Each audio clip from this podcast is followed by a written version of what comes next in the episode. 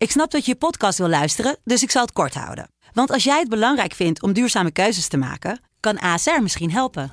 Nou hoor ik je denken, hoe dan? Nou, bijvoorbeeld bij het duurzaam herstellen van schade. Of de premies die we beleggen volgens ons duurzaam beleggingsbeleid. Dat bepaalt waar we wel en juist niet in investeren. Wil je meer weten over welke duurzame keuzes ASR maakt? Ga dan naar asr.nl slash duurzame keuzes. ASR doet het. Zo, dan kan je nu lekker naar je podcast luisteren. Vechtersbazen wordt mede mogelijk gemaakt door Unibed. It's time for Vectorsbazen!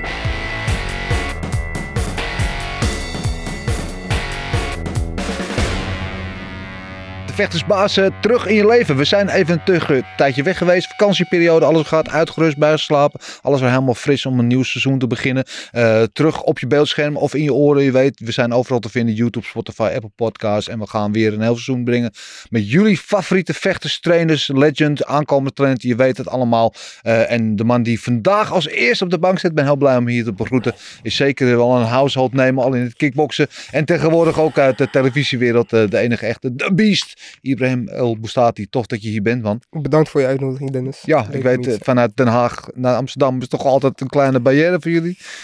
Ja, het is een uurtje rijden, maar ja. het is, uh, het is uh, we zijn het gewend. Ik ben ook wel eens uh, voor Moes hier heel vaak gekomen. Dus dan moest ik ook in de ochtend heel vroeg de deur uit. Precies. Oké, okay, nee, we, wees welkom in ieder geval. Okay. Um, beginnen dit onderdeel nog steeds, uh, dit programma nog steeds, altijd met het onderdeel dekkinglaag. Blijft altijd een beetje raar natuurlijk voor een vechter, maar toch, uh, je krijgt van mij een aantal stellingen op je afgevuurd. En de bedoeling is dat jij daar uh, uh, zo goed en zo snel mogelijk antwoord op geeft. Niet te lang nadenken. En misschien hebben we daar wel redenen om op die antwoorden door te praten daarna. Dus ik zou zeggen, ben je er klaar voor? Ja. Let's go. MMA of kickboksen? Kickboksen. trainen of trainen? Trainen. wanneer heb je voor het laatst gehuild? vier weken terug. Met de geboorte van mijn dochter. Ja, gefeliciteerd daarover. Daar gaan we zo ook uiteraard over praten. Dat is uh, meer dan genoeg reden om een traantje om te laten, lijkt me. Van blijdschap mag ik ja, hopen. Zeker, ja. zeker. Um, beest of knuffelbeer? Uh, nee. Nee?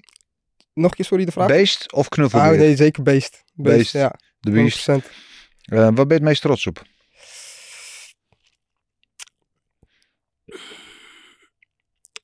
Uh, op de persoon wie ik de dag van vandaag ben. Ja. Nou, ja, wat trots op zijn ook. Ja. Uh, Den Haag of Rotterdam? Den Haag. Daar hoef je echt nog geen halve seconde over na te denken. Uh, uh, vechter of acteur? Vechter. Wat is je favoriete slechte film? Favoriete slechte ja, film? Ja. Damboor Damber. Welke? Damp en Dammer. Dam en Dammer. Ja. ja, dat is wel een behoorlijk slechte film. Maar ja. ook wel graag. Ja, je kan er wel twee uur naar kijken, weet je. Het is niet dat je gaat wegzeppen of zo. Heb je het vervolg ook ooit gezien? Nee, nee. Nee, niet doen. Nee. Uh, oh. um, en, uh, en tot slot, je hebt natuurlijk een, een, vechtende broer. We zijn er dol op vechtende broers. We hebben er een aantal gehad. We laatst Jafar en Jason Wilnis. de, de Sterkenburg-tweeling hebben we hier gehad. Ehm, en en jouw broer Hafid, de hyena, was ook een geweldige vechter. Zeker. Mocht ik ook graag naar kijken. En de vraag aan jou is, wie is eigenlijk beter? Um, technisch is hij veel beter. En qua kracht, ja, ik zit 30 kilo boven hem, weet je. Dus, dus ja, qua, qua gewicht is het al een enorme krachtverschil. Maar technisch is, was hij wel echt een van de beste in Nederland. Ja, ja. ja dat is ook mooi. Dat zo, zo zie ik jullie ook. Ik vond Hafid echt een hele technisch, uh, stilistisch mooie vechter om naar te kijken. Heel bekeken. Uh, wel altijd wel veel met druk naar voren, maar wel mooi technisch en, en, ja. en, en, en goed bekeken. Terwijl jij bent, als je bent gewoon een beuker. Ja. Niet zeggen dat je niet technisch bent, maar jij vecht met veel kracht en veel drang naar voren. En Ja. maar met één Ja. ding in, in je hoofd is dat om iemand uit te schakelen. Ja. Ja. Ja, ik denk dat dat eigenlijk ook door ons eh, lichaamsbouw komt. Uh, Hafid is toch nog wat iets compacter qua lichaam. Ja. Eh, iets korter. Dus ehm, hij heeft heel erg de explosie in zijn armen en benen. Dus hij kan heel snel naar voren gaan. Dus een combinatie van 4, 5, 6 stoten maken. En met de logic erbij. En hij is weer weg. En dat heb ik dan weer niet. Ik heb hele lange armen, hele lange benen. Dus ik moet het echt hebben van één of twee stoten. Echt Eh goed geplaatste stoten en dan eh, kijken wat de volgende stap zal zijn. Ja. En dat is bij hem ook iets anders. Hij zat ook eh, op de 70 kilo. Daar is net, net een tempo alles wat sneller. Hij was ook heel erg van het ontwijken.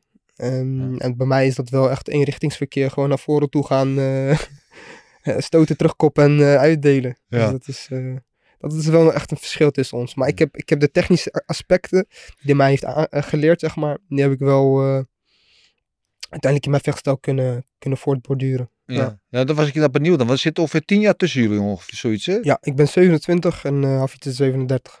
Ja, Ja. dus eigenlijk toen jij begon was zijn carrière al, nou misschien nog niet bijna voorbij, maar er zit wel, er zit, ja, er zit wel bijna een generatie tussen.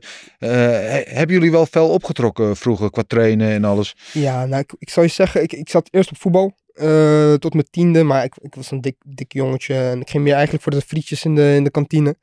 En op, een gegeven moment, eh Hafid was al wat verder.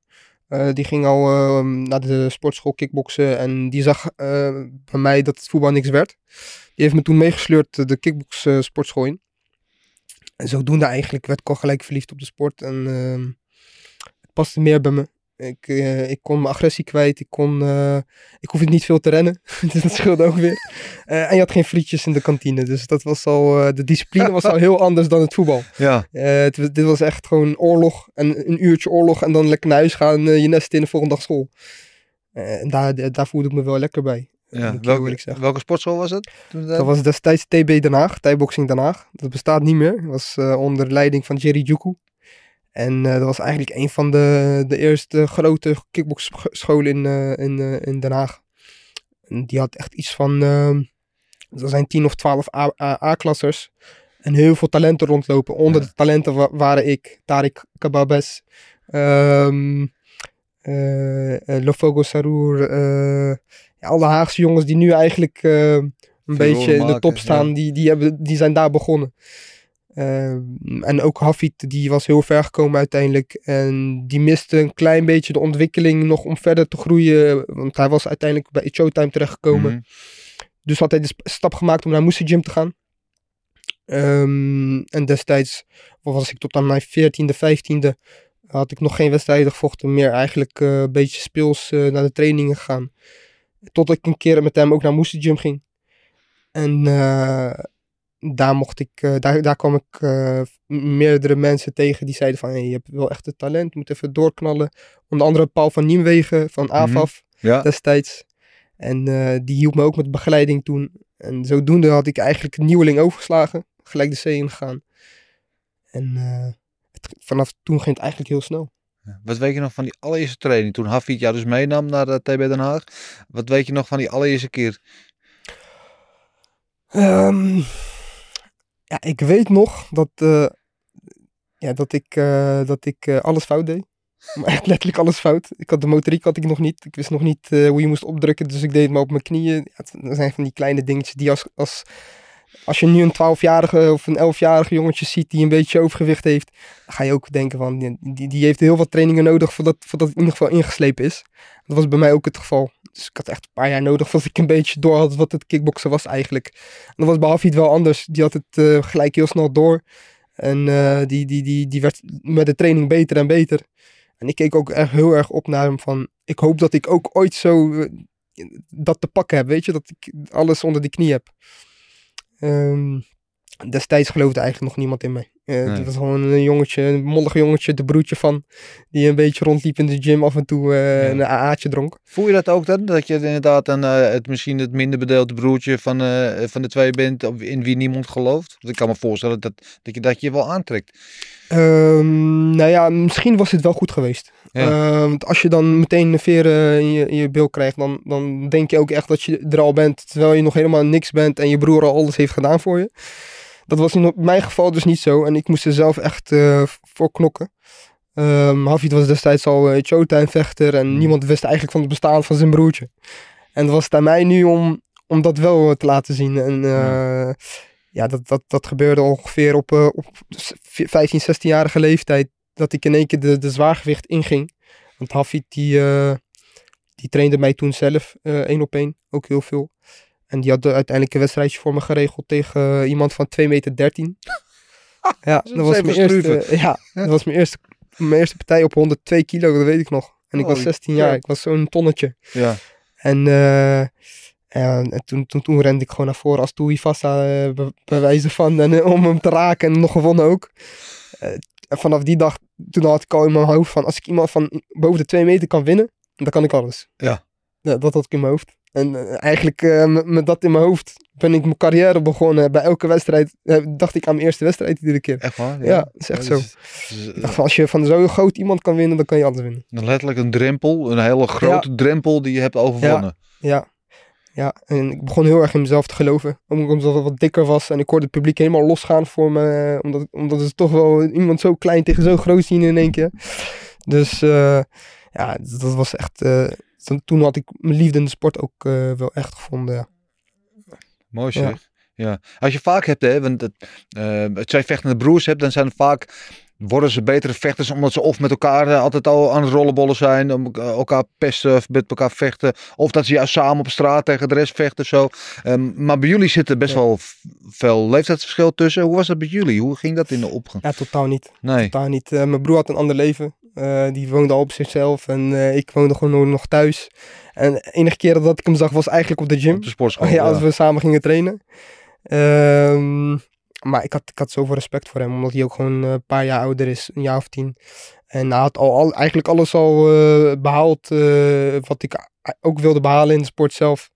Dus hij was echt een doel voor mij om, om, om, om te evenaren. Ja. En, ehm, dus ik, ik durfde niet eens om tegen hem te zeggen, kom sparren. Bij wijze van. Dat, is, dat lag niet eens op het punt van mijn tong.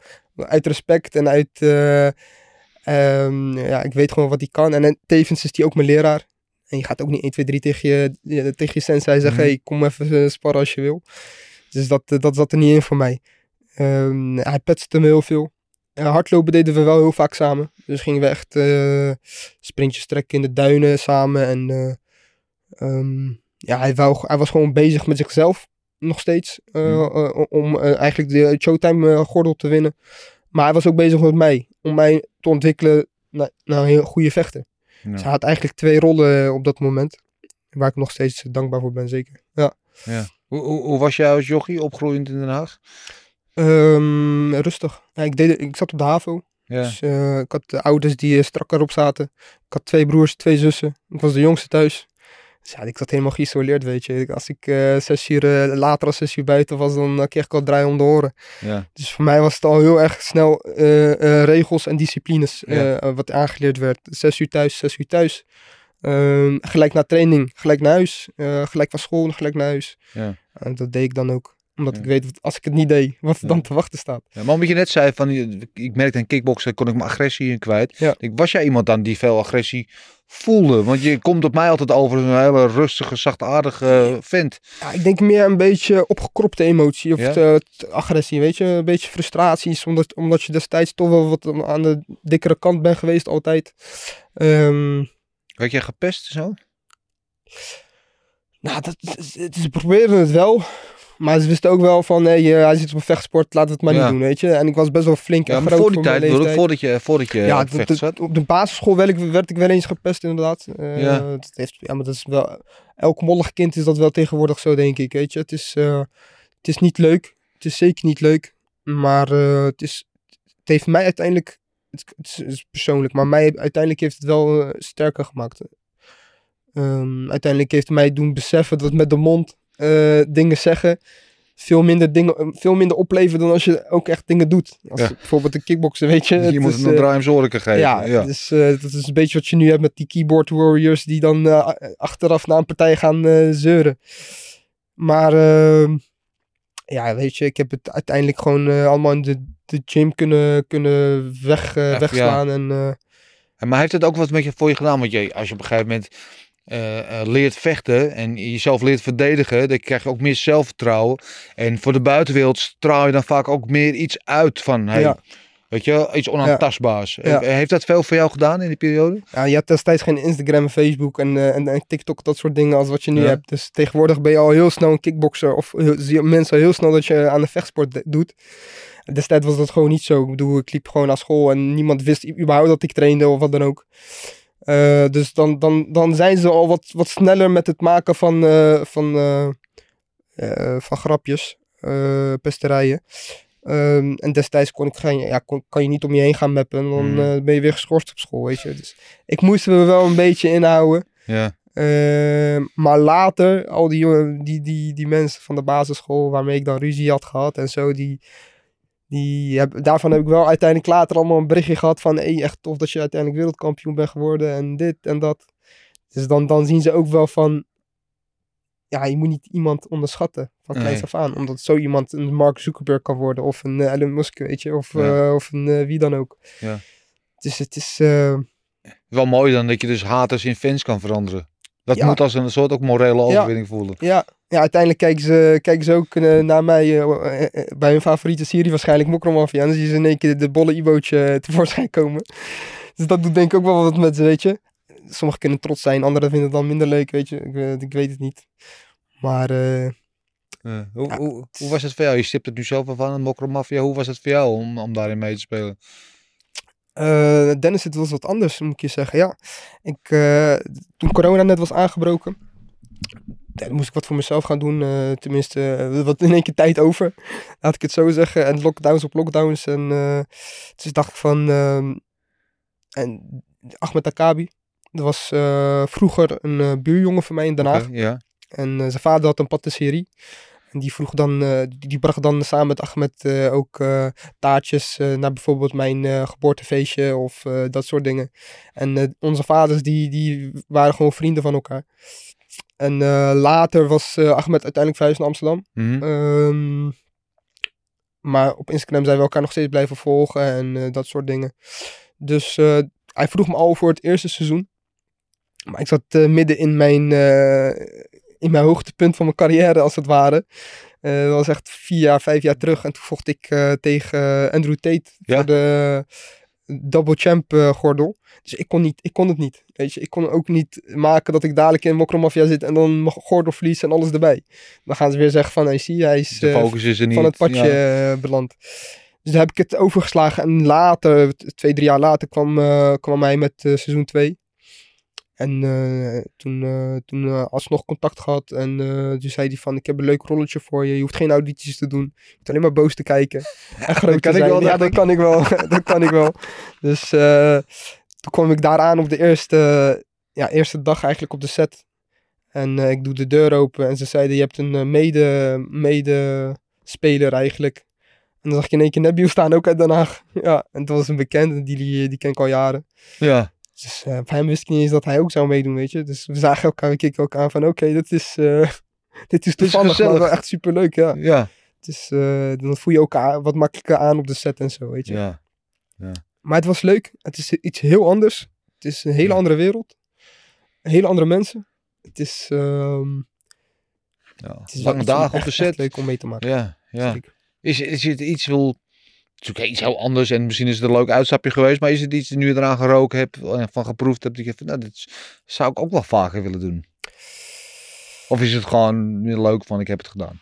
Ik moet je zeggen, ehm, het, het hangt echt helemaal van de rol af.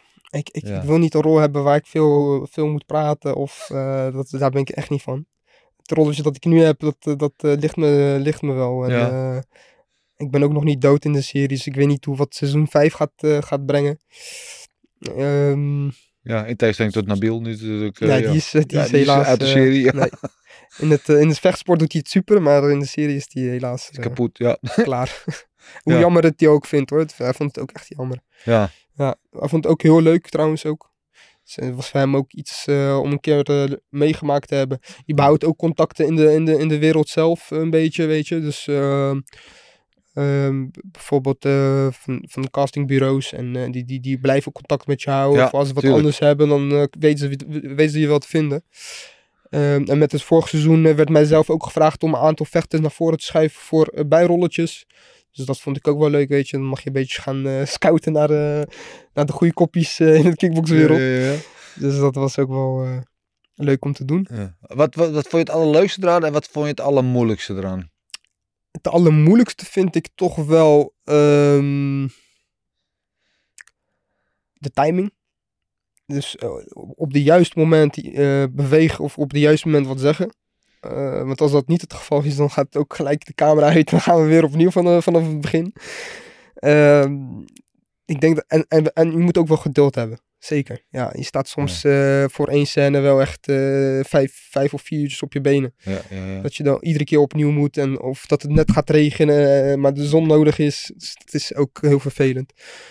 Ehm, maar de voordelen, die, die zijn, wel, die zijn Ja. wel groot hoor. ja, wat vond je het leukste dan?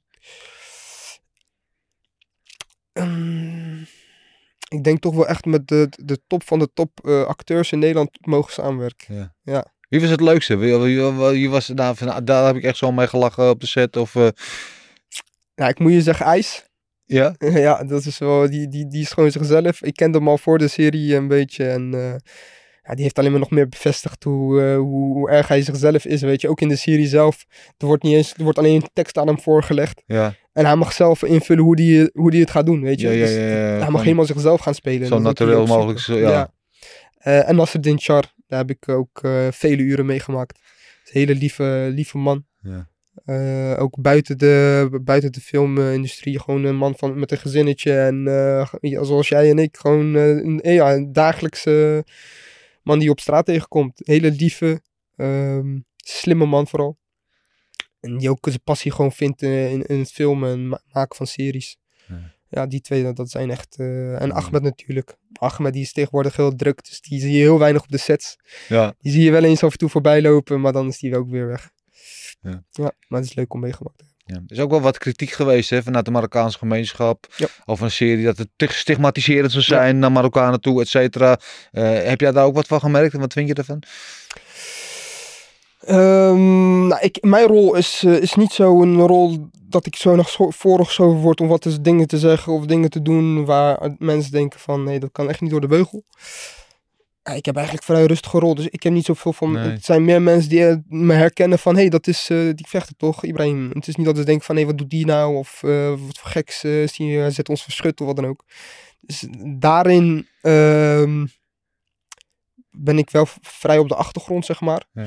Eh, en de serie zelf, ik zelf weet niet wat er voor, van tevoren geschreven gaat worden. Nee. Ik krijg eh, het script en van alles krijg ik eh, een dag van tevoren in mijn hand gedrukt. Ehm, dus ik weet, ik weet ook niet hoe het uit- uit- uiteindelijk eruit gaat zien. Ja. in zijn geheel. Voor mij is het net zo'n verrassing als de kijkers zelf. Dus als er zo'n scène in één keer de, tevoorschijn komt, Ja. ja, dan, dan, dan, dan denk ik, ja, dat, dan schrik je er wel van, weet je. Maar het is niet dat ik er zelf in zit dat ik er dan mijn zorgen moet gaan maken. Dat zeker niet. Nee. Nee. Ik ben meer voor, eh, ja, als, als leuke achtergrond, zeg maar, eh, voor potlood, de beveiliger van.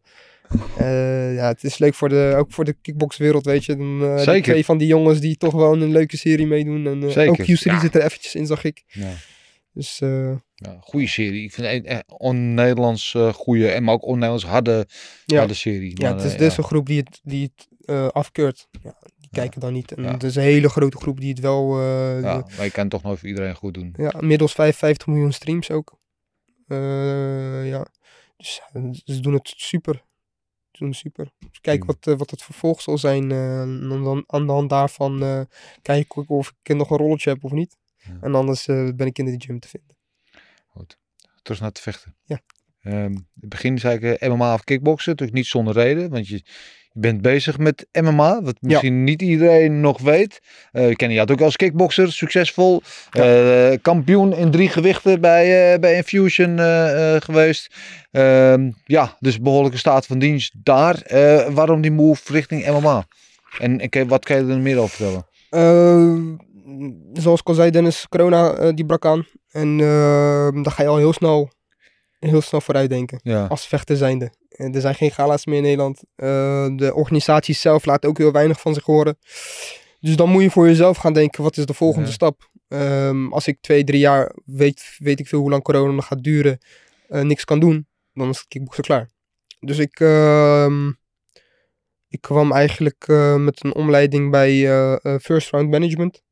Dat is gerenommeerd management. ja, niet de eerste de beste, Nee, ja, zeker. eh, Rozenstruik zit er. Ja. Romero zit er. Ja. eh, echt de grootste vechters van de UFC zelf. ja. Zit Masvidal daar niet ook? Nee? Masvidal ook, Ja, zeker. ja. Dat is eigenlijk een eh, mascotte. Hè. Eh, Ja. die is, dat is de voortrekker van, van, van First Round. En ehm, we hebben een heel goed gesprek gehad. Eh, ze hadden een, een plan met mij en ik had een, ja, ik was het wel eens met de plan die ze hadden. Ehm, ze wouden me langzaam brengen. Dus ik, ik, ik zag het wel zitten, weet je. Ik moest sowieso nog de grondwerken allemaal nog even eh, leren. Dus ik was gelijk Mhm. aan de slag gaan met Soelie Boelie, destijds in Rotterdam. Ehm, en eh, na een jaar eh, goed doorgetraind te hebben, wou ik dan mijn debuut maken. Ehm, en dat was dan voor UAE Warriors Ja, destijds. Toen overleed Soelie Boelie. Dus die had ik dan ook meteen gecanceld. en eh, het was eventjes stil. ja. Eventjes, eh, want je gaat niet een van de andere keer een andere trainer aanvoelen. Dat is niet zo makkelijk, weet je. Eh, en naast Hafid was dat eigenlijk de, e- de enige trainer die ik ooit heb gehad. Dus voor mij was het moeilijk. Ik had veel dingen van hem geleerd, maar nog niet genoeg. Laat ik het zo zeggen. Dus ik was er nog niet klaar voor. Ehm, uiteindelijk, toen hij overleed, ben ik maar door gaan trainen in het kickboksen. En uiteindelijk heb ik ook mijn passie echt, echt nog steeds eh, erin gevonden. Eh, zodoende hier en daar gesprekken gehad met organisaties. Ehm, maar er is nog niet echt wat uitgekomen. Eh, de bal ligt eigenlijk bij hun. Voor, mij, voor mij is het een kwestie van, is er iets? Als er niets is, dan gaan we de MMA eh, in. Ja. Daar is wel eigenlijk genoeg, genoeg keuze en aanbod Ja. voor mij. Ja, Want die willen allemaal wel een eh, goede kickboxer hebben die dan een MMA-debuut bij ze ja, maakt. precies. Eh, dus het is even afwachten, Dennis. Ik heb eh, hier en daar ook gesproken met Glory. Want ik wil echt zelf echt graag nog laten zien wat ik kan in het kickboksen. Ja. En zoals ik nu zie, is, is het middleweight lijn heel erg dun bij, bij Glory. Bij Infusion is die helemaal niet meer volgens mij. Nee. Dus het is gewoon eh, ook voor de, voor de vechtfans, weet je. Ik, ik wil gewoon wat, nog wat laten zien. Voor hun is het leuk. Nog een uh, gek Hagenees erbij eh, aan het rooster toegevoegd. Maar ik heb eh, hier en daar gesprekken gehad met Robbie. Eh, de bal ligt nu bij hun, zoals ik al zei. Oké. Ehm, maar het is even De afwachten. kleine breaking news hier eh, eigenlijk, eh, begrijp ik of niet. Maar het is, eh, het, het- het- ik heb het wel vaker, vaker eh, ehm, laten weten hoor, dat, dat ik nog niet klaar ben in kickboksen. Maar Nee. als ik zou vechten, dan is het wel echt, dan zullen het alleen of Glory of een, of, of een grotere organisatie Ja. zijn. Dus niet meer bij Infusion in principe. Ja, er is niet echt tegenstand of wat dan ook Nee. om, om, om tegen te vechten. Ik bedoel, Nee, de- nee de- middleweight. Maar je, hebt natuurlijk in, tussen verschillende gewichtsklassen gelaveerd. Ja. Je hebt natuurlijk op 90 en op 95 90 kilo gevochten. Ja, ik, ik, ik zit al vanaf mijn achttiende bij Infusion, Dennis. Ja. En ik heb eigenlijk alles al gezien en meegemaakt en, en, en gedaan wat daar te, te doen viel. Voor mij is het gewoon eh, de motivatie zoeken naar iets, iets leukers en iets, iets, zeg maar, nog iets uitdagenders. Ja. Dat zie ik wel bij Glory zitten. Eh, ook wat nu rondloopt eh, in de middleweight zie ik, is voor mij heel leuk, weet je. Ja. Ehm, Ja, maar ik zeg het, er loopt nog een andere gekke Hagenees daar ook rond hè, in die middleweight. Ja, twee zelf sterk kan. Michael heb je nu. Oh ja, tuurlijk, ja, ja, Eh, ja. Dus eh, het is dus volle, het is volle. Alleen wat ik begrepen heb, is dat Glory nog een beetje zit met andere vechters qua contracten. En dat ze op dit moment niks aan kunnen vullen eh, Nee. met nieuwe vechters. Dus het is even afwachten hoe, hoe ze dat gaan oplossen en of ze het gaan oplossen. Ja. Is zo'n Glory Rivals, hè, wat ze dan nu hebben, is dat dan misschien een uitkomst? Een soort, eigenlijk een soort hybride, want ze hebben nu al een paar gehad met Infusion. Mhm. Binnenkort hebben ze nog eentje, waarin eh Infusion vechters ook bijvoorbeeld tegen Glory vechters staan. Ja. Of eh, weet je, dat het is, ja, eigenlijk Infusion op een, met een Glory tintje. Ja. Of zo een beetje ziet. Is, is dat een uitkomst voor jou dan, om, om een soort van die tussenstap? Nee, totaal niet. Als ik Nee? echt voor iets wil gaan, wil ik de gordel, eh, Dennis. Dus het is voor mij, ik wil geen eh, rival zijn, ik wil de champ zijn, weet je. Dus het is, het is heel simpel. En fusion gordels heb ik al gehad. Ik wil die glory gordel en dan ben ik eh, in principe in de kickboksen wel klaar. Ehm, ik ben nog 27. Ehm, Ja, tijd zat nog, ja. ik heb nog tijd zat. Ik, als ik in principe nu al begin met MMA, dan ben ik voor mijn dertigste heb ik al heel wat partijen rond geknokt. Alleen ben ik nog, echt nog niet klaar in de kickbox. Nee. Hoe lang geef je jezelf ervoor? Eh, heb je een tijdspanne in je gedachten? Ehm, de tijd geven voor iets is in kickbox. Nou ja, bijvoorbeeld dat je, dat je denkt van nou ik wil vol mijn 30ste of mijn 29ste wil ik dit en dat nog bereiken in het kickboxen en dan wil ik de overstap maken. Of Ja, ik wil als sowieso, het nog te lang duurt ga ik nu al net MMA.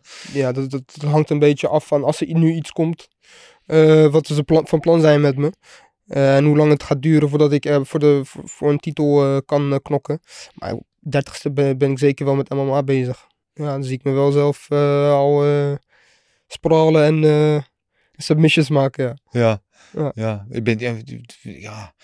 Hoe is het voor jou nu om op de grond te rennen? Als je zo lang al kickboksen traint, dus natuurlijk, nou ja, dan op een gegeven moment dan is het net een soort een tweede natuur, weet je. Dan is het hetzelfde als je dan tanden poetsen, iemand op zijn bek slaan, maar Ja. eh, worstelen en, en BJ, et cetera, is een heel ander spelletje. Dat is averechts natuurlijk. Bedoel, het kickboksen worden punten in mindering gebracht als Ja. je naar de grond gehaald Ja. wordt. En nou moet je, moet je Moet juist je, naar de grond mee en, en, en meeklokken naar- eh, op de grond. Dus dat is heel erg eh, wennen. Eh, ook voor je hersens. Je Ja. moet eventjes die draai maken. Weet je, dat ze even doorhebben dat, dat het wel mag. die hele mindset Ja. omdraaien, ja. Eh, ook ook het, het, het staan, het strijken is heel anders. Bij het kickboksen iets meer in en uit bewegen. Als je dat al bij MMA doet, lig je voor je het weet op de grond. Ja. Op het moment dat je omhoog, eh, omhoog springt met beide voetjes, hebben ze je al bij de knieën vast en lig je op de grond. Dus eh, dan moet je ook iets meer zakken door je benen, iets steviger staan op je benen. Mhm. Eh, je kan ook niet combineren als het kickboksen. Dus je kan niet eh, wat je in je hoofd hebt, 1, 2, 3 leverhoek, Nee, eroverheen. nee, dat gaat niet. Het is echt één keer strijken, goed strijken, kijken waar je stoot en dan die trappen erbij. Ja, Ehm, dus het, is- het is iets meer kijken, iets meer geduld, ehm, ehm, iets minder explosief.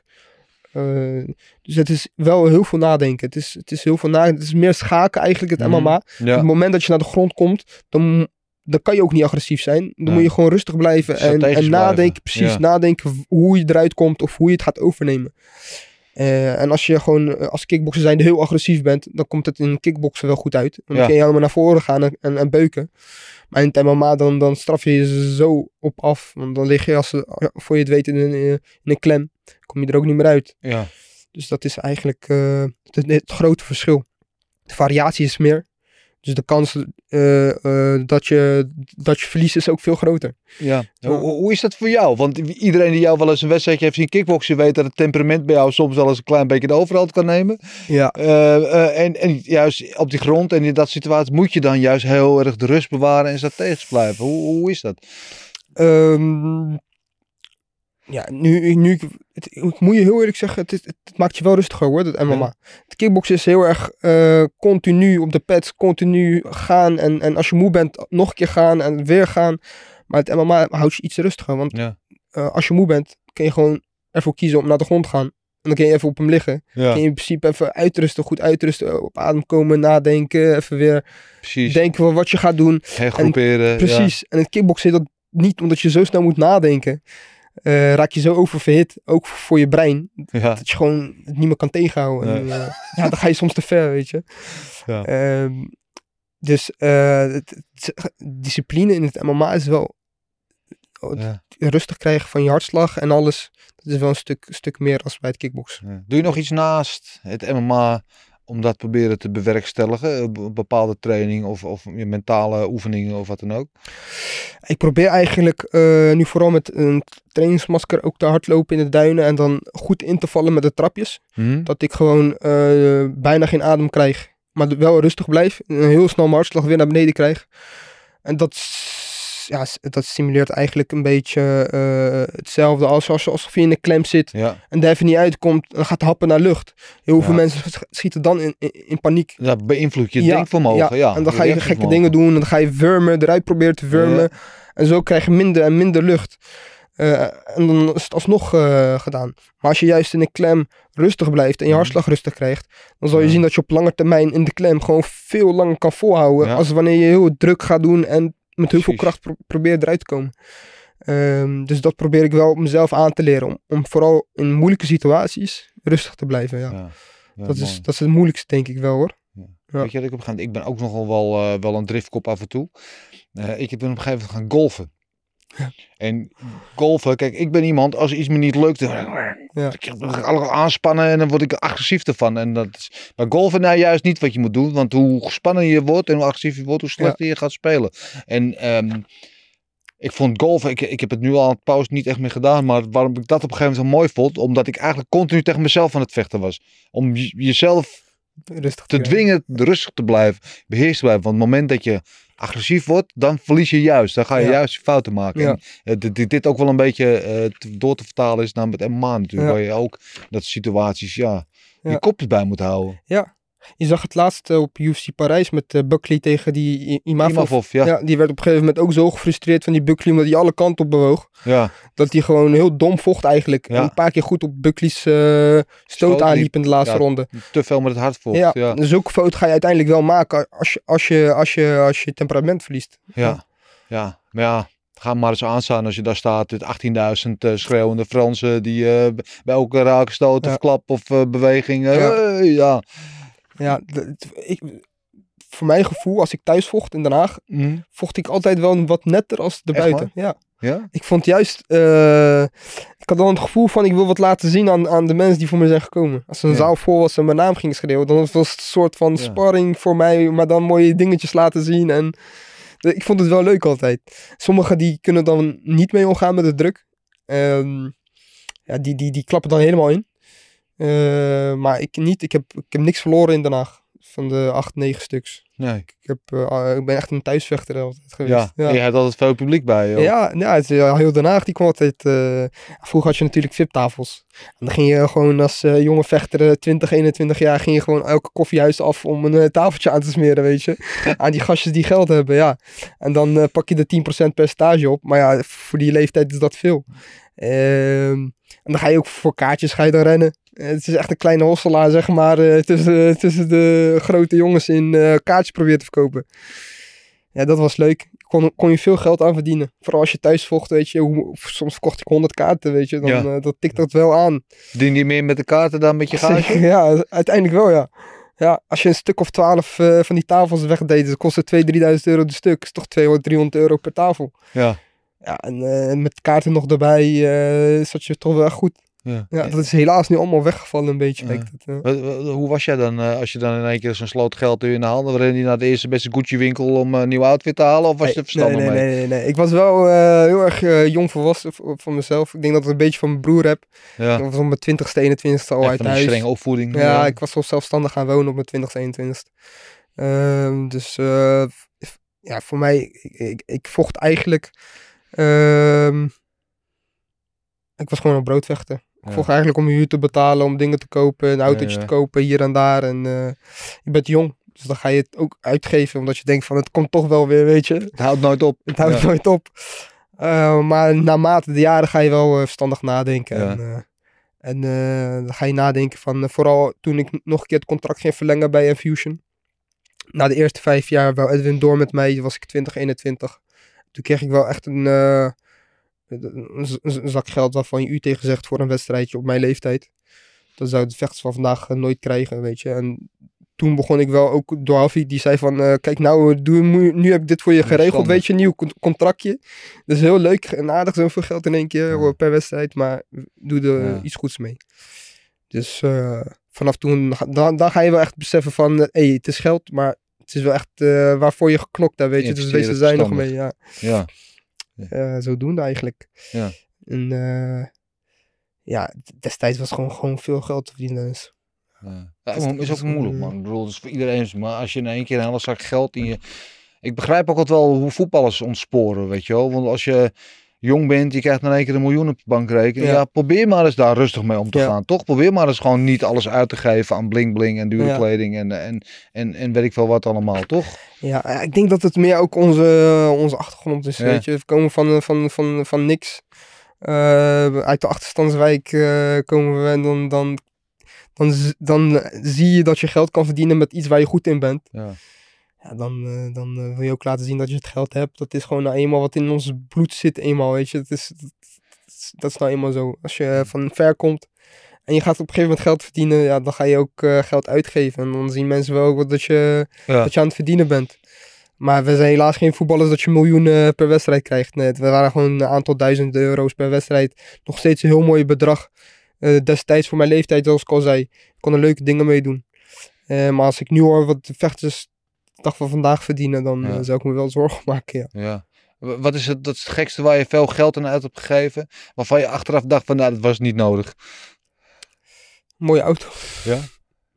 Ja, en, eh, net, net je rijbewijs, je kent het hè. Dan denk je van, eh, laat ik even een mooi autootje kopen met het geld dat ik heb verdiend.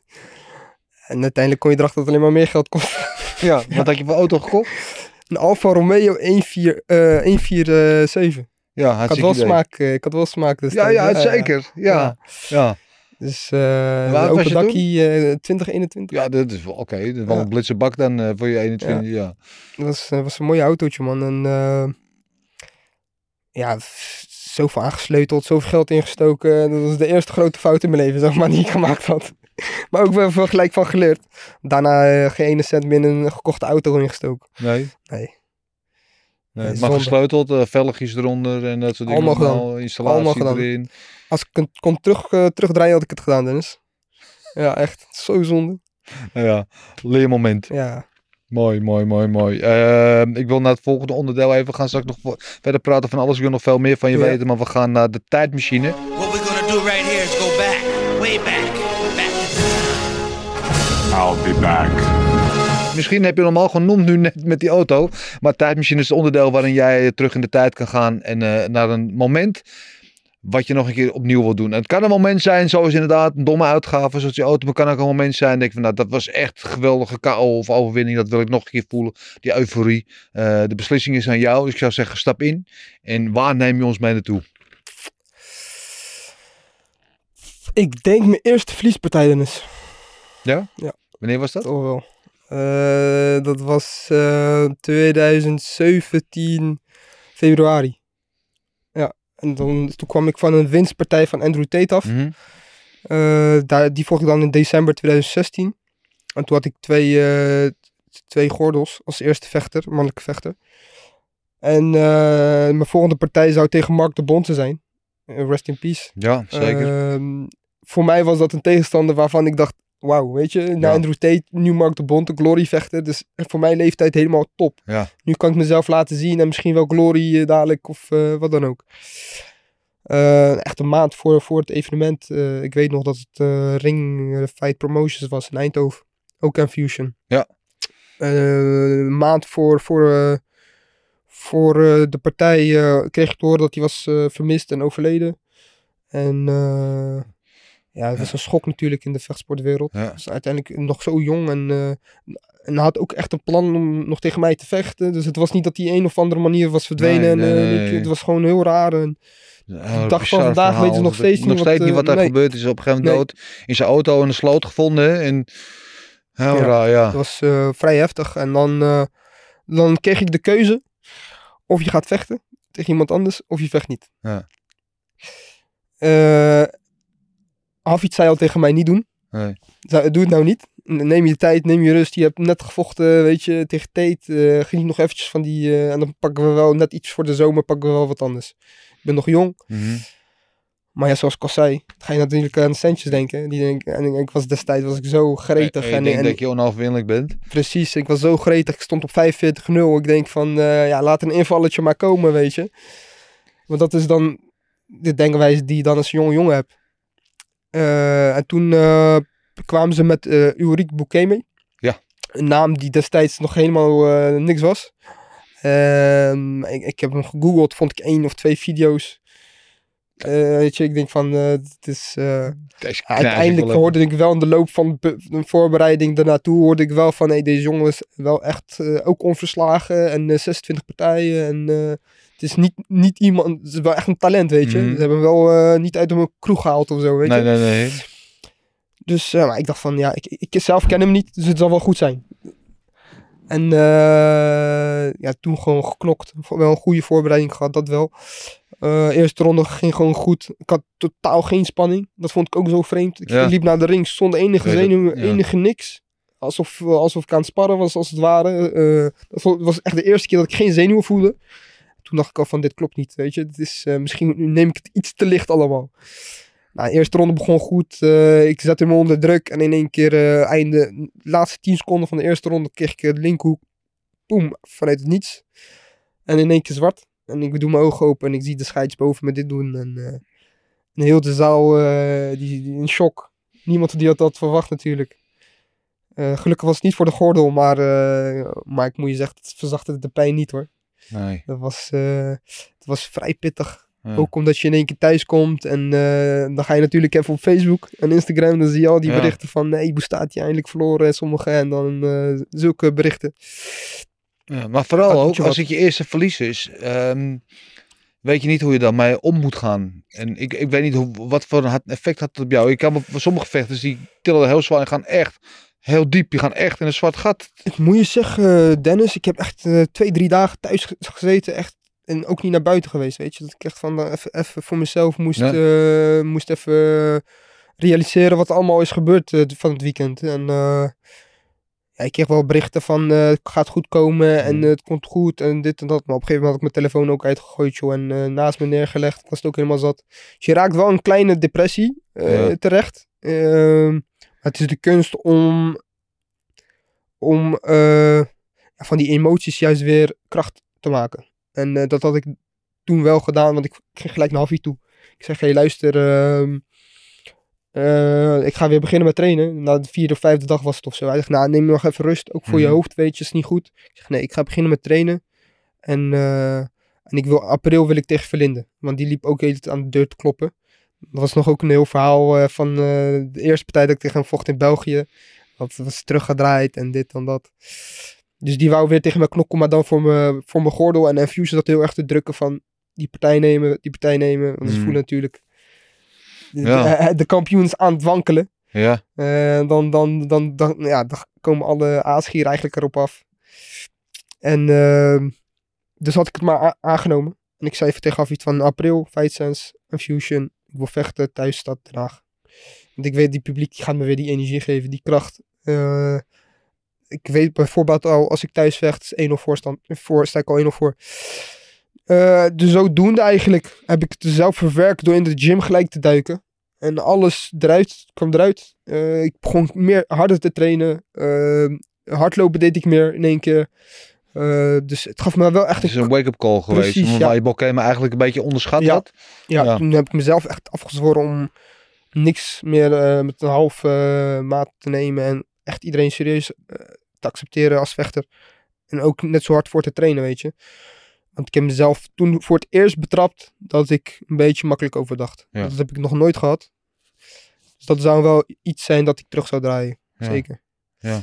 Ja. En daarna heb ik het wel goed gemaakt door van Verlinden te winnen. Ook Ja. eh, mijn gordel verdedigd. Maar eh, hoe is het? Want ik, ehm, sorry, want zo'n eerste partij, na je eerste verliespartij, Ja. kan heel zwaar zijn. Ja. Want je gaat eerst zelf twijfelen. Ja. Ben ik wel zo goed als ik eerst dacht dat ik was. Eh, weet je, het is altijd maar afwachten hoe dan die eerst volgende wedstrijd weer gaat. Hoe was dat voor jou? het moment dat mijn, dat mijn eh, omdat ik knock-out was gaan, krijg je natuurlijk dat je niet mag vechten. Ja. Voor twee of drie maanden. Startverbod, ja. Sta- startverbod. En, eh, en Fusion Fight Sense was vijf dagen na het startverbod. Dus ja, ik dacht van, ik ga het gewoon met beide handen gewoon doen, weet je. Ja. Ik, ik, ik, eh, ik heb een maling aan. Eh, het is nu of nooit, want mensen die, die kijken al zo van, hij heeft verloren, is hij nog wel de kampioen? Want de gordel had ik nog. En dan krijg je zulke dingen. En als je dan te lang wacht, dan gaan mensen alleen maar denken van, nee, hij heeft geen vertrouwen meer in zichzelf. Het gaat alleen maar moeilijker en zwaarder worden, weet je. Maar ik had zoiets van, het kan gebeuren. Mhm. Het, is, eh, het is een wedstrijd, het is een sport. Kan beide kanten op gaan. Dit keer is, eh, is munt niet jouw kant op gevallen. En moet je gewoon alles weer recht trekken. Ja. En dat had, hij, had, had, had ik uiteindelijk gedaan, ook met Verlinde. Ehm, ja, zodoende was ik weer een beetje teruggekomen inderdaad. Ja. Dus toen eh, toen liep het weer allemaal een beetje. Maar had je last van twijfels voor die wedstrijd? Had je die onzekerheden in je, in je systeem? Dat dan weer niet. Ja. Nee, tegen Verlinde wist ik gewoon... Wat er ook gebeurt, ik Ja. ga niet weer knock-out als wat de laatste is gebeurd.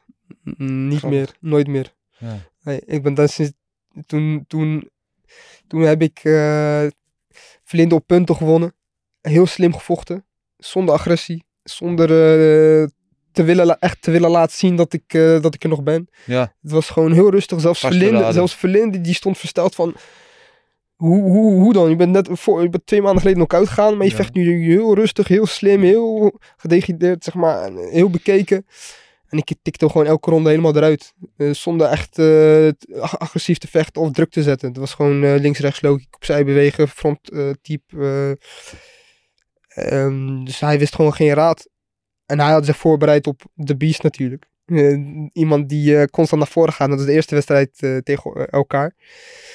En dat was totaal niet zo. En dat Ja. had hem verrast. Maar dat was mede door Hafid. Die had een hele slimme gameplan. Die, die, die eh, had ons echt voor vijf rondes conditioneel heel sterk getraind. Mhm.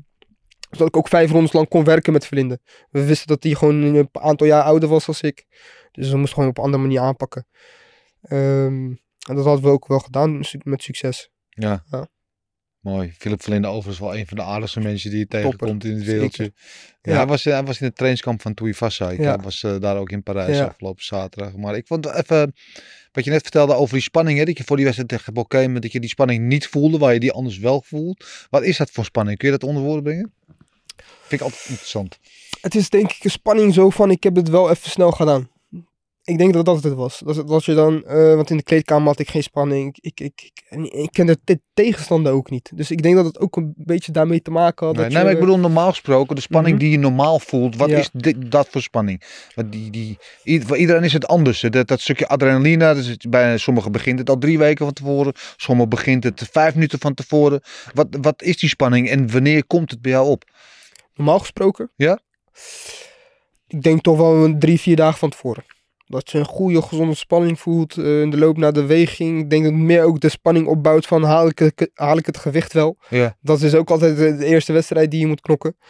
Ehm, dus dan begint de spanning wel een beetje te stijgen. Je Ja. moet dan nog een aantal, meestal moet ik dan nog een kilo of twee, drie eh, voor, de, voor de wegingsdag. Eh, ik ben dan meer daarmee bezig dan de wedstrijd zelf eigenlijk.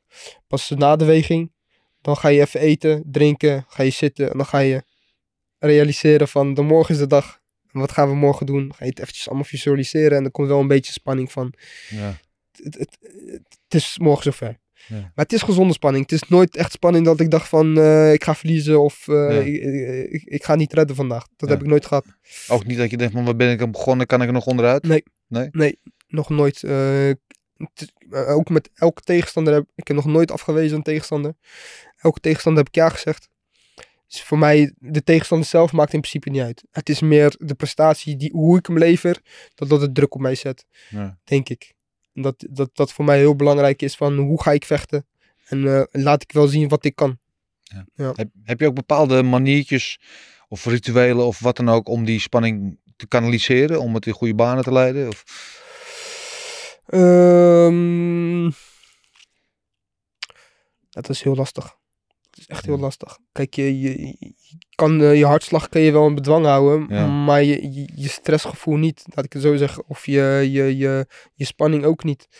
Als het er is, is het er. Het is heel moeilijk weg te krijgen. Dus dat, dat tinteling in de buik, is dat, Mhm. dat, de klamme handjes, is de, is de vele malen nadenken over hoe de partij zal gaan. Dat alles bij elkaar is de spanning. Eh, en dat hoort gewoon bij het vechten. En als je dat niet hebt, dan, dan ben je ook niet scherp, vind ik. Want dan heb je niet genoeg eh, nagedacht van hoe... Dan ben je niet constant bij de wedstrijd geweest met je hoofd. nee. Dat had ik een beetje met Bokeming. Ja. Pas op de dag zelf, eh, toen ik echt in de zaal stond en toen ik hem op de catwalk naar de ring toe liep, toen dacht ik van, oh, ik moet gaan knokken. Ja. En dat is niet hoe ik het gewend was. Nee. Ik had al een paar dagen van tevoren al van, eh, dit is wat we gaan doen, dit is hoe het zal lopen. Dus ja, zo zie je maar, het moment van niet scherp zijn kan, kan je fataal zijn. Zeker. Een goed leermoment geweest is voor je. Ja, het was een eh, hele goede leermoment. Daarna eh, twee wedstrijden gewonnen. Eh, dus het was voor mij een, een, een- ja, wel even een Een denkmomentje. En ook na de we- wedstrijd tegen mij, toen werd Bekeme natuurlijk ook in één keer bekend. Kreeg hij ook een contractje bij Glory ook nog. Dus hij is ook van, vanuit niets eigenlijk in één keer bam Ja. naar boven geschoten. En ik weet niet of hij daar nog zit. Ja, hij heeft daar vorig jaar volgens mij nog wel een keer gevochten. Maar ja. Ja, ja. ja voor, mij, eh, voor mij mogen ze een rematch tegen hem daar zetten hoor, Glory. Dus Robbie, als je kijkt, bellen. Bij deze, je hoorde het hier eerst. Eh, ik wil even naar het volgende onderdeel en dat is eh, Mount Fightmore. Eh Mount Fightmore is eh, ja, een beetje onze Mount Rushmore van het, eh, van het vechten. Je ziet hier het plaatje al en deze is ooit door mij en Maluso in het leven geroepen. Met onze eigenlijk inspiratiebronnen waarom wij doorgegaan zijn in het vechten op onze eigen manier. En uh, dus eventjes voor de mensen die het nog niet weten. Ramon Dekkers, Bas Rutte, John Blooming en Bruce Bruce Lee. Wie anders? En de vraag aan jou is, en het hoeft niet even van deze vier te zijn, maar wie is voor jou eigenlijk eh, ja, jouw grootste inspiratiebron om te doen wat je nu doet? En wie zou er wat jou betreft aan Mount Fightborn moeten? Eh, qua vecht is mijn broer. Ehm, ik denk dat dat echt een, eh, een ehm, eigenlijk een bouwsteen is geweest in mijn carrière, Ja. weet je. Die de onderste steen heeft gelegd en dat ik verder ben gaan bouwen erop.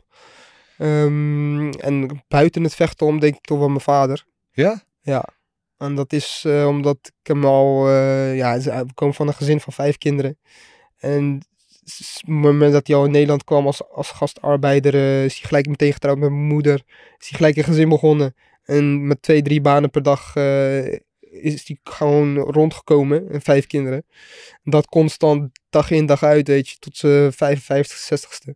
En dat maakt hem wel een winnaar in het leven, vind ik. Ja, Ja, zeker. En niet alleen mijn vader hoor. Ik denk dat er heel veel andere vaders zijn die. eh, die eh, ik vind dat, dat de vaders eh, wat meer erkenning mogen krijgen.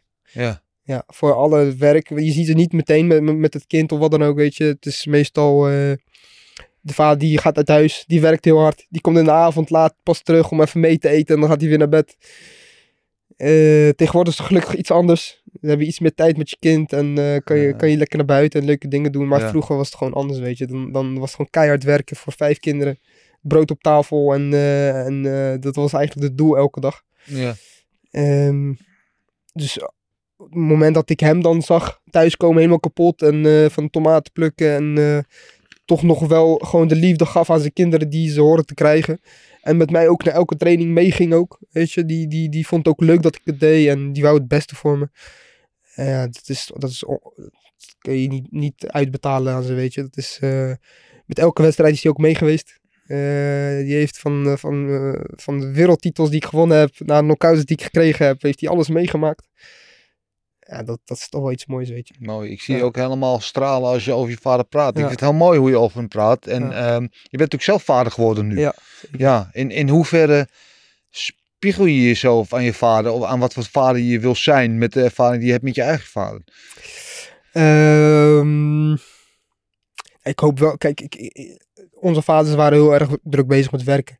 waren uh, gastarbeiders, dus ze moesten wel constant werken. Mhm. Als ze dat niet deden, ja, dan, dan was je geen werk meer in principe. Dus ze waren constant aan het werk. Eh, nu ligt dat wel heel anders, weet je. Ehm, je bent flexibel, eh, je hebt iets meer tijd met je kids. Dus je, hebt ook wat meer tijd om te knuffelen, om naar buiten te gaan, om eh, leuke dingen te doen. Dat was gewoon destijds anders. Hij heeft niet voluit de liefde kunnen geven, zeg maar, die wij kunnen geven aan onze kinderen. Ja, Maar hij is er wel altijd geweest. ja. Dus dat is, eh, dat, is, dat is de liefde op zijn manier, zeg maar. Ja, dus ja, ik hoop natuurlijk eh, hetzelfde te kunnen doen. Gewoon keihard werken voor mijn kinderen. Eh, het mooiste geven wat, wat ik ze kan geven. En, en ja, ze trots maken op hun vader. Dat is eigenlijk... dat zijn de mooiere doelen in het leven, laat ik het zo zeggen. Het hecht, voor mij is dat veel meer waarde dan een wereldtiteltje, wereldtiteltje winnen. Mooi zeg. Mooi, mooi hoe dat. Ja. Ja, ik weet van, van mijn eigen vader. Mijn vader stond vroeg in de kroeg. Hij was kroegeigenaar. En ehm, was daar ook altijd veel weg en Ja. aan het werk. En ik was vroeger best wel een teringhond Ja. eh, toen ik opgroeide. Dus ik heb mijn moeder echt wel moeilijke tijden gegeven. En daardoor kwam de opvoeding natuurlijk ook veel op haar neer. Omdat mijn vader vaak weg was. Maar ik weet wel, en dat, we- weet je, dat heb ik ook altijd meegenomen toen ik ook zelf vader werd. Ehm, als ik op zaterdag of later op zondag moest voetballen. Wat ik toen de tijd deed. Eh, en het maakt niet uit of om vier uur, of om vijf uur, om zes uur, eh, s morgens was thuis komen van zijn werk. Weet je, hij was er altijd. En, Ja. soort, weet je wel. En nou ja, dat zijn wel dingen die je meeneemt en, en leert waarderen. Zeker. Ehm, ik ben wel benieuwd, weet je, als met vechters die voor de eerste keer vader worden, gaat vaak twee kanten op. Of ehm, de scherpe randjes gaan er een beetje van af. En omdat ze een beetje focus verliezen en wat zachter worden, wat doet wat met je. En je hebt vechters die juist twee keer zo hard vechten, omdat ze de wereld willen winnen voor hun Ja. kind. Welke, welke kant van het spectrum zit jij? Het moment dat ik eigenlijk eh, hoorde Dennis dat ik eh, vader zou worden, ging ik meteen harder trainen. Echt waar? Ja, echt waar. Ik wil mijn kind laten zien van eh, over, over vier, vijf jaar als ze een beetje eh, ehm, kan inzien wat het kickboksen of MMA inhoudt. En als ik eh, met een beetje geluk eh, erin zit nog in de vechtsport, eh, dan, eh, ja, dan hoop ik wel. Dat is wel echt mijn droom om, om voor haar neus eh, een wedstrijdje te winnen, weet je. Ja. Dat is toch wel iets moois. Ik, ik, eh, ja, dat is. Uiteindelijk is dat, te dat is net zo mooi als, als, net, alsof je vader bij je wedstrijd is geweest, weet je. Ja. Maar dan is je dochter erbij, weet je. Dat is toch wel iets. met Oesman bijvoorbeeld. Die neemt zijn dochter elke wedstrijd mee. Ja. Ook als hij knock-out gaat. Maar zoals hij dat al bij Joe Rogan had hij het al uitgelegd. heftig hoor. Ja, hij had het al uitgelegd van. Ze moet niet alleen zien eh, dat je wint. Ja. Ze moet ook beseffen dat er tegenslagen zijn in het leven. Zeker. En dat, dat, dat, dat je vader ook gewoon eh, knock-out kan gaan. Ja. Maar dat hij ook kan laten zien dat hij er bovenop komt. Ja. En dat zijn lessen in het leven die je niet op school meekrijgt of, of van je beste vriendinnetje of wat dan ook. Dat zijn lessen die je leert door het mee te maken. Ehm, en ik denk dat hij wel een punt heeft daarin. Ja. Eh, maar ik vond er wel aan de jongere kant hoor, moet je zeggen. Ze heeft het vaker gezien, weet je. Het is zijn keuze en zijn Zeker. kind. En- En, als mensen gaan zeiken, weet je, moeten ze, moeten ze lekker zelf weten. Maar het is zijn kind, hij kiest ervoor. Ik zie het wel, ik, ik snap wel wat, wat hij erachter ziet. Ja. Zeker. Nou ja, ik, ik, ik, ik ben het een deel daar ook mee eens. En winnen en verliezen, verliezen, ook teleurstelling en daaroverheen komen hoort bij het leven. Maar hoe die Oesman daar lag, Ja. hoe die een behoorlijk goede imitatie van een houten plank aan het doen was daar eh, Ja. op de grond. En de reactie van zijn dochter, die echt totaal hysterisch daar de, Ja. de, de zaal uitgedragen moest worden, ontroostbaar. Dat brak mijn hart wel een beetje, moet ik zeggen. Maar ja, voor hetzelfde geld slaat Oesman eh, Edwards eh, en dan loopt zijn dochter weer te juichen, weet je. Ja, Terwijl het dezelfde pijn is. eh, die, eh, het, is het is een beetje, omdat het haar vader is, is het een beetje gevoeliger. Ja. Maar ze moet inzien dat, dat, dat, eh, dat wanneer je neergaat, dat het niet het einde van de wereld is. En dat je altijd terug kan komen en altijd... Waarschijnlijk gaat hij, die, gaat hij naast haar uiteindelijk de volgende dag zitten en haar uitleggen van wat er is gebeurd en, eh, en haar een levensles meegeven. Ja. Dat Ja. is uiteindelijk toch wel eh, wat je eruit krijgt. Ja, Ja. ik, ik Taito Vassa had trouwens eh, zaterdag ook voor het eerste zoontje mee. Ja. Die is geloof ik zes nu.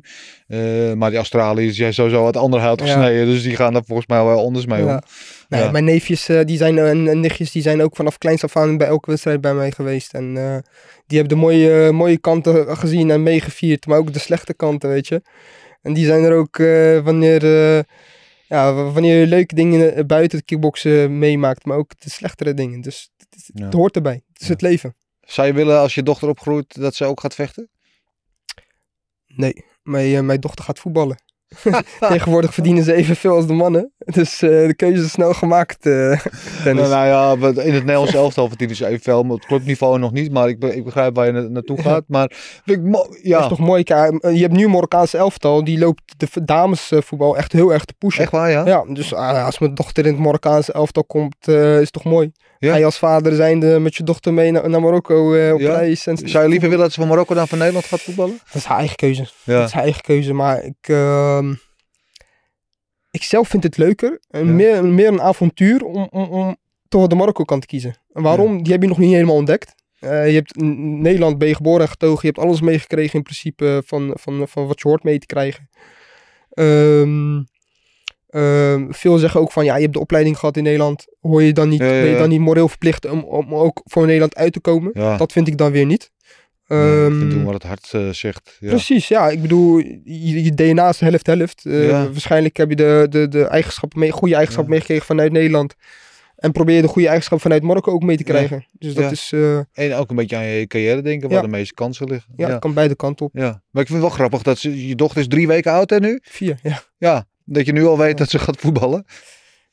Eh, ja, ik, ik, ik, ze moet een sport doen, weet je. Ja. Eh, het liefst heb ik daarop turnen of, of zwemmen, weet je. Maar ik, ik, het is niet echt een sport waar je wat kan behalen. Ja, Laat ik het zo zeggen. mooi. Ik ben altijd competitief ingesteld. Als mijn dochter Ja. aan een sport gaat doen en nooit 100% inwijding geeft, wil ik wel dat ze de, de eh, waardering krijgt die ze hoort te krijgen. Weet Ja. je? En dat hebben wij altijd een beetje gemist in kickboksen. Ik bedoel, eh, ik, wij vechten in principe Nederland. Er is genoeg publiek. Eh, maar de, de, de, de aandacht krijgen we niet Nee, van de, van de media.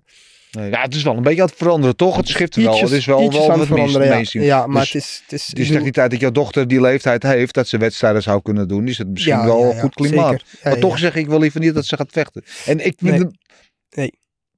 Ik denk 99,9% van alle vechters aan wie ik deze vraag stel, vechten tot in het leven, hart en nieren. Maar mijn eigen kinderen wil ik liever niet in gaan vechten. Waarom niet? Nee, ik heb. eh, ik- ja, het is, het is- omdat ik weet dat het uiteindelijk op langere termijn weinig oplevert. Ja. Laat ik het zo zeggen. Ik wil niet dat het de teleurstelling gaat hebben die vele vechters nu hebben. Nee. Eh, dat is na jaren trainen en, en vechten uiteindelijk eh, links worden gelaten. Niet alleen door de organisaties, maar ook door, eh, door de VA bijvoorbeeld. Ehm, het, het is een beetje. Het is alsof je voor iets heel hard gaat werken, maar niet uitbetaald krijgt. En dat is een beetje eh, het gevoel bij het kickboksen op dit moment. Ja. Bij het voetbal ligt dat toch wel wat anders. Bedoel, als je bij ADO al in de dames elftal komt, krijg je al een vast salaris waar je u tegen zegt. Ja. Waar je eh, gewoon per maand gewoon leuke dingen mee kan doen. Ja. En dat is bij kickbox gewoon niet zo. Wij, wij krijgen alleen maar betaald eh, wanneer we knokken. Wij moeten onze eigen risico betalen wanneer we in het ziekenhuis belanden. Wij moeten eh, ehm, eh, zelf investeren in onze trainingen en in onze voeding. En wat je ervoor terugkrijgt, is, zijn, ja, ligt een beetje aan de vechters zelf. Maar ik zelf vind het niet voldoende als, eh, Nee. wat we horen te krijgen. Maar tegelijkertijd zeg je, het vechten heeft mij heel veel gebracht. Misschien niet financieel en qua status, maar Ja. wel qua, ehm, qua discipline en doorzettingsvermogen. Ja, en, en heeft het je gemaakt tot de man die je nu bent. Dus het heeft je ook wel weer heel veel goede dingen Ja, gebracht. nee, ik mag niet klagen. Mij heeft het geld opgeleverd. Ik, praat nu ook namens de, de vechters die nu niet aan de bak komen en wel broodvechters zijn. Ja, die komen gewoon nu niet aan de bak. En die kiezen dan heel snel voor om het links te laten liggen, de, vechtsport zelf. Die gaan dan werken of andere dingen doen. Ik heb er genoeg van gezien. Zonde, vind ik het. Het is net zoals of je profvoetballers in één keer ziet stoppen omdat ze geen salaris uitbetaald krijgen. Het is, het is een beetje van de zotte eigenlijk. Ja. Ik vind eigenlijk dat, dat je gewoon een, een, een, een, een, eh, als een over, overkoepelende organisatie kunnen aanbieden. Die ook de wacht heeft op, eh, op alles en iedereen. Dan vind ik eigenlijk dat je ook een, een, een, eh, een stichting of een, of een iets van, eh, van, eh, van een organisatie Een opricht. pensioenfonds. Of, Pensioenfonds die in ieder geval wat meer uitbetaalt aan de vechters dan, dan zo nu krijgen. Want het is echt dramatisch. Ja. Het is echt dramatisch. Goed. ehm, ik wil één ding nog eventjes bespreken. Je hebt zijn naam al een paar keer genoemd. Eh, Andrew Tate, waar je toen tegen gevochten hebt. En je bent de laatste tijd op social media vrij vocaal over hem geweest. Ja, ja. Ja, Ja, het begon eigenlijk, eh, Dennis, kreeg een goede vriend van me op de zaak die ik lange tijd niet gezien heb. En eh, die zei in één keer tegen mij van, eh, hey, heb jij niet tegen Andrew Tate geknokt? Ja. Ik zei, ja, dat klopt. eh, een aantal jaar geleden alweer, maar dat klopt. Hij zegt, ja, heb je niet gehoord over hem dan dit en dat? Ik zeg, nee, ik volg hem niet. Ik weet niet wat hij doet tegenwoordig. Ik hoorde dat hij na mijn wedstrijd eventjes was gestopt en that's it. Ik zeg, ja, die, die eh, gozer is nu echt helemaal Ontploft. ontploft. Ja. En binnen een jaar is hij een van de grootste geworden in de, in de wereld. ja. Ja, en dus liet hij mij een paar voorbeelden zien op TikTok. Ik zelf al heb geen TikTok. Dus hij liet hij een paar dingen op TikTok zien. En, eh, en toen zag ik in één keer Andrew Tate met een kale kop en een baard. Dat een beetje hetzelfde, hetzelfde uiterlijk als mij overgenomen na de wedstrijd. en eh, die begon eh, ja, dingen te vertellen over wat je wel en niet kan. En, maar in één keer zag ik ook een filmpje die 8 miljoen keer was bekeken. En dat was een interviewtje meteen na onze wedstrijd. Ja. En dat was met, eh met Sue Hill Ja. eh, voor Combat Point. En eh, Dat, dat hij eigenlijk aan het winnen was. ja, dan legde hij al een hand op zijn oog en, en verklaarde hij dat hij heel zijn leven last heeft van zijn oog en daardoor heeft verloren. Maar als ik nu erbij naar terugdenk, dan is dat alles geweest om zichzelf in te dekken. Ja. Want hij had al een plan voor zichzelf wat hij zou gaan doen. De wedstrijd tegen mij heeft hij gratis gevochten. Dat kan ik je nu zeggen. Die, had destijds al geld. Hij heeft gratis tegen mij geknocht. De motivatie was er. Hij wil gewoon zijn gordel verdedigen tegen mij. Zodat hij waarschijnlijk een stap kon maken richting eh, wat hij nu mee bezig is. Ja. Nou, die, die plan was niet gelukt. Die had hij verloren. En eh, ehm, al vrij snel da- daarna zei hij van... Het komt niet door, door de hoek. Het komt doordat ik last heb van mijn oog. En daarom, daarom heb ik verloren. Ja, En de dag van vandaag dus gebruiken ze die, die excuus nog steeds. Ja. En eh, eh, uiteindelijk ben ik ermee naar buiten gekomen. Eigenlijk begon het als grap. Maar in één keer kreeg ik eh, van 2.000, 3.000 mensen in- berichten van... Hé, hey, waarom begin je hier over Andrew en dit en dat? En ze zagen hem echt als iets... Ja. Iets mythisch, weet je. Ja. En, en, en ik weet gewoon hoe die jongen is. Die heeft naast me gezeten op de bank bij wijze van met elk interview. ja. En ik weet gewoon dat hij heel lief en rustig is. En zijn image is totaal niet wat hij nu presteert als de alpha male. Maar hij loopt wel eh, de kinderen te op dit moment. Hoe moet je zeggen, met die TikTok filmpjes. Dus, Ja, eh, ik, ik, ik zelf heb een dochter gekregen en hoe hij ook, eh, weet je, hoe hij die, die, die mentaliteit van hem overbrengt over vrouwen aan, aan kinderen, die nemen het allemaal over. En uiteindelijk, ja, gaat het slecht aflopen in onze maatschappij. Is ook Ja. figuren, weet je. Ze zeggen wel wat ze denken, dat vind ik helemaal prima. Vrijheid van meningsuiting. Je Ja. moet ook zeggen wat je denkt. Maar als je mensen erbij gaat beledigen en echt pijn gaat doen, ook Ja. moreel, dan moet je wel kappen, vind ik. Vooral als je ook zo'n groot achterban hebt. Ja, maar hij is inderdaad, want ik ken hem. Ik heb hem meegemaakt hoe ik als eerste met hem in aanraking Ja. kwam. Was bij Infusion ook, toen Ja. ik nog bij Infusion werkte. En hij deed dan voor het eerst mee een, reality Ja. in Macedonië. En eh, toen kwam je daar behoorlijk eh, met veel uh, poeha kwam je daar binnen als grote Amerikaanse. Maar natuurlijk uit het Amerikaans kickboksen eigenlijk. Hè, dus het, het full contact meer. De ISKA-regels. En ehm, op mondiaal niveau was het niet zo geweldig, vond ik. Hij kon wel aardig vechten, Hij maar kon aardig vechten, zeker. Ja. Maar het was niet echt eh, hoe ze hem nu omschrijven als de champion, de, de four times world champion. Vind ik niet helemaal terecht. nee, vind en ik niet helemaal ik, terecht. ik was hem een paar jaar ook uit het oog verloren. Ja, niet om mijn eigen winst weg te doen of wat dan ook. Want ik ben Nee. wel een van de, eh, volgens mij de enige die hem uh, TKO'd heeft. Ja.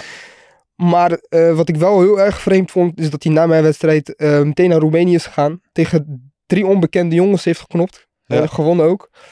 Eh, en ook dat, denk ik, heeft hij gedaan om zijn Wikipedia een beetje op te vullen. Ja, Zoals, zodat hij als... eh, i- iets, influencer. ja, je, je kan niet als een vlies, met een vliespartij aankomen bij die mensen. Want ze zien jou als de kickboxkampioen.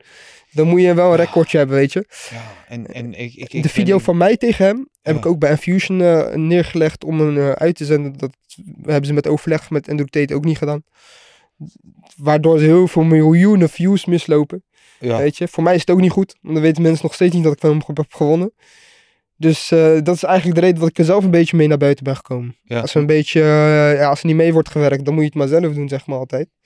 Dat heeft goed eh, geholpen. Ik heb miljoenen views gehad in één keer, duizenden berichten. En eh, zo zie je maar negatief eh, publiciteit. hij is heeft een beetje de, de, de, die glamorous lifestyle. Je ziet hem in privéjets en in Lamborghinis en Rolls Royces. En hij is echt een van, Ja, nou, van de grotere influencers op dit Ja. moment, interna- internationaal denk ik. Ehm, en wat hij zegt is over het algemeen, laat ik het zeggen, vrij controversieel. Ja. Ja, hij, Is- ja, hij is gewoon, zakelijk is hij heel goed bezig, top. Hoe hij Ja. zijn geld verdient, hoe hij alles doet, Ja. helemaal goed. Ehm, maar ik vind hem niet de champion die ze zeggen dat hij is. nee, Vooral, hij, hij is geen represaille van het kickboksen, laat ik het zo zeggen. Vooral niet in die gewicht. nee. Er zijn talloze anderen die, eh, die de spotlights verdienen in plaats van hij. Maar goed, het is, eh, het is hoe, eh, wat het is. En mocht hij tegen Jake Paul vechten, ik hoop het, dat, dat hij dat doet, weet je. Misschien dat Infusion dan wel onze partij online gooit. dan wel wil, ja. Ja, maar wat, wat zou je willen inderdaad, omdat je gewoon niet eens bent met hoe hij zich presenteert om, om hem de mond te snoeren?